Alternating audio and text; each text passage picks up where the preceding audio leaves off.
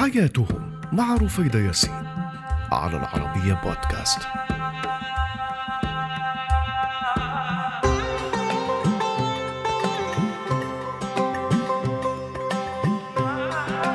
مرحبا أنا رفيدة ياسين وهذه هي حياتهم على العربية بودكاست.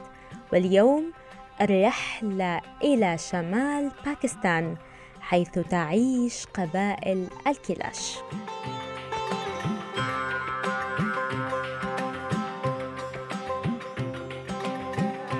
في المرتفعات الجليدية الشمالية من باكستان بتعيش قبائل الكلاش اللي بيحكى إنهم من نسل الإسكندر المقدوني الكبير أو إنهم أحفاد جنوش جيش الإسكندر.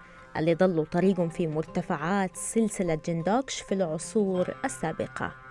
مجموعات مختلفة تماما عن باقي سكان باكستان سواء في طريقة تفكيرهم وأشكالهم ومعتقداتهم الروحية وحتى غذائهم اللي بيعتمد على الفواكه المجففة والمكسرات والعسل والسمن البلدي واللحوم بالإضافة إلى القمح والذرة والدخن.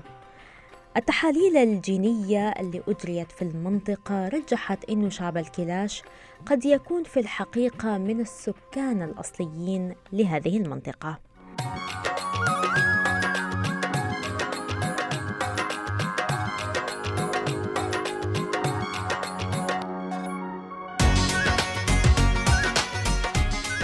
شعب الكلاش بيتميز بتقاليد وثقافة فريدة من نوعها. وللطبيعة دور مهم جدا في حياتهم اليومية ومعتقداتهم الروحية. وبتعتبر تقلبات الجو وفصول السنة جزء مهم من تقاليدهم وطقوسهم الدينية لأنهم بيقدموا التضحيات والقرابين للمواسم من خلال المهرجانات والأعياد الدينية اللي بيقيموها بمناسبة قدوم موسم تلو الآخر. بمعنى أصح هم بيؤمنوا بالطبيعة وبيخشوا من غضب هذه الطبيعة عليهم. عشان كده بيقدموا هذه القرابين مع اختلاف المواسم.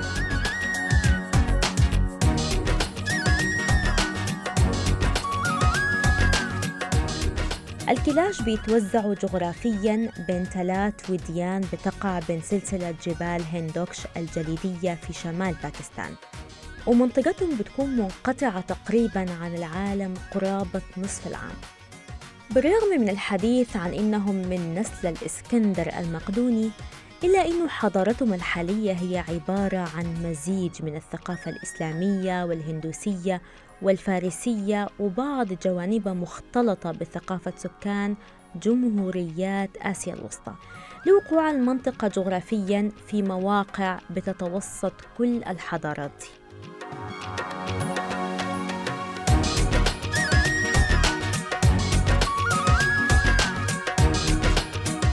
من غرائب قبائل الكلاشة إنه بتحتفظ المرأة عندهم بكامل حق اختيار الزوج أو استبداله حتى بزوج آخر متى ما شاءت خلال حياتها ولمرات غير محددة.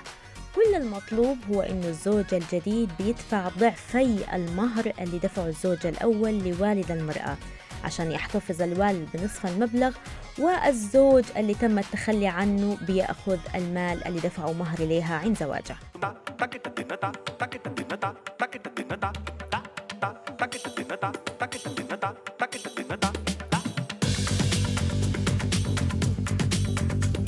والزوج الأول في حال استبداله لا بيملك حق الاعتراض ولا الاحتجاج ولا حتى الرفض إذا كانت دي رغبة زوجته.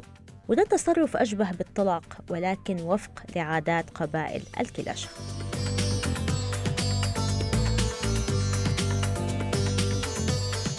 في حال استبدال الزوج شعب الكلاش لا يقيم مناسبة خاصة بالزفاف وبيتم الزواج بمجرد هروب المرأة إلى بيت الزوج الجديد اللي بتختاره كبديل لزوجها الأول. عشان يقوم الزوج المتخلى عنه في اليوم التالي بالتفاوض مع والده ليتم تحديد المبلغ اللي يمكن وصفه بأنه المهر عشان يدفع لوالد العروس الهاربة لبيت زوجها.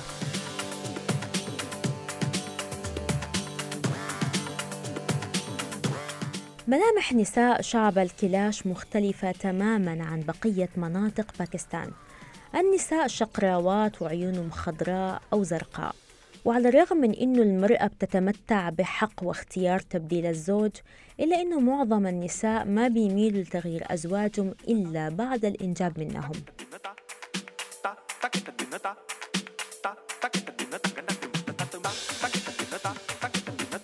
عدد أفراد قبائل الكلاش حوالي 6000 شخص تقريباً.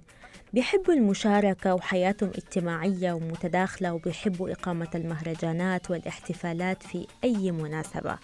وبيتم وصفهم بأنهم شعب ودود ومرح ومحب للحياة. عندهم رقصات تشبه الفلكلور اليوناني القديم.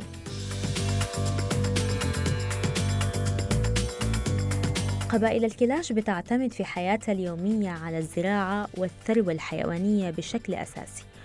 ومؤخرا بدأ السياح يتجذبوا لزيارة هذا المكان.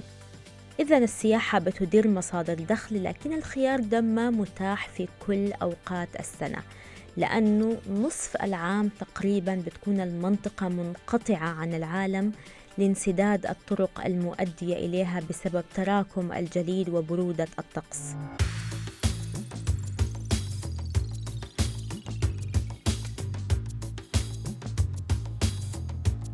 دينيا الكيلاش بيؤمنوا بمعتقدات خاصة بهم متعلقة بالإيمان بالطبيعة.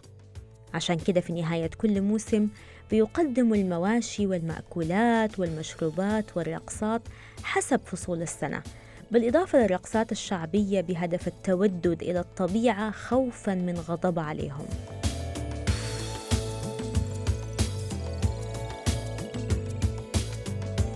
الكلاش لا بيعبدوا الأصنام ولا الأشجار ولا النار ولا أي شيء مرئي أو مجسم. بعضهم اعتنق مؤخرا الإسلام بسبب اختلاطهم مع عرقيات وثقافات أخرى واحتكاكهم بشعوب مسلمة. ورغم بدء زحف بعض ملامح الحياة العصرية نسبيا لمجتمع الكلاش إلا أنهم متمسكين ببناء منازلهم على التراث القديم من الأخشاب والحجارة.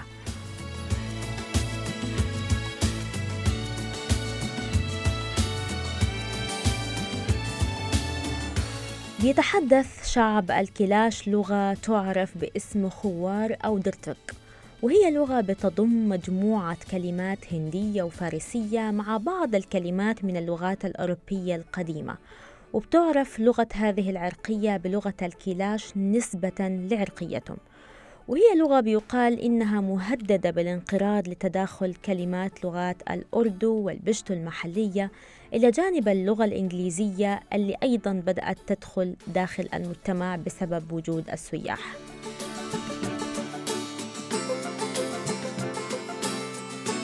بيشتهر شعب الكلاش بتنظيم المهرجانات الموسمية وهي ثلاثة مهرجانات أساسية بتعتبر جزء من تقاليدهم وطقوسهم الحياتية والدينية أبرز ما يسمى مهرجان الملك الراعي الغريب في المهرجان ده إنه بيتم فيه إرسال صبي إلى الجبال للعيش مع الماعز خلال فصل الصيف.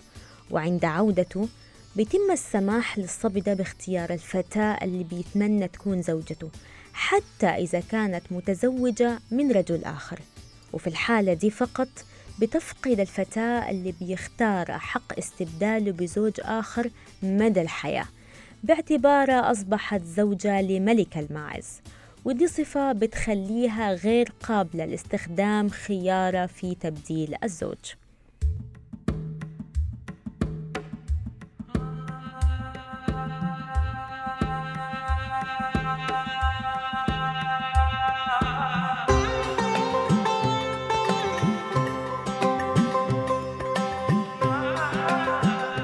عنده رهبة وقدسية خاصة عند قبائل الكلاش وبتعتبر مقابر الكلاش إحدى أغرب المقابر على وجه الأرض لأنه بيتم ترك جثمان الميت في صندوق خشبي مغلق أشبه بالتابوت في الهواء الطلق وسط المقبرة وإن كانت أنثى بيتم تزيينها وكأنها عروس بملابس جميلة وأساور ومجوهرات ثمينة وبتضطر أحيانا عائلة الميت لبيع نصف ممتلكاته أو حتى كلها من الثروة الحيوانية لإتمام مراسم تشييع الميت على الطريقة الكلاشية واللي ممكن تستمر لحد سبعة أيام متتالية.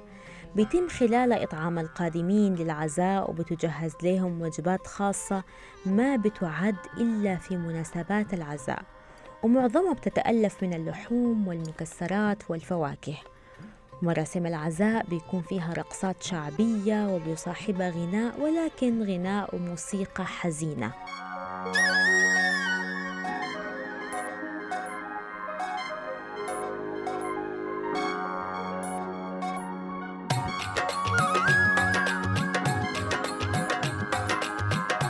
طبيعة حياة شعب الكلاش صحية إلى حد كبير بحسب طبيعة غذائهم ومنطقتهم. ده غير إنه منطقتهم عودتهم على تسلق الجبال والمشي لساعات طويلة في الهواء الطلق. عشان كده بيعتبروا من الشعوب المعمرة وأعمارهم أحيانا بتتجاوز مئة عام. حياة شعب الكلاش مختلفة وبسيطة ويمكن كمان تكون غريبة للكثيرين بس بتظل فيها سمات وصفات بتميزهم عن غيرهم ببساطة لأن هذه هي حياتهم.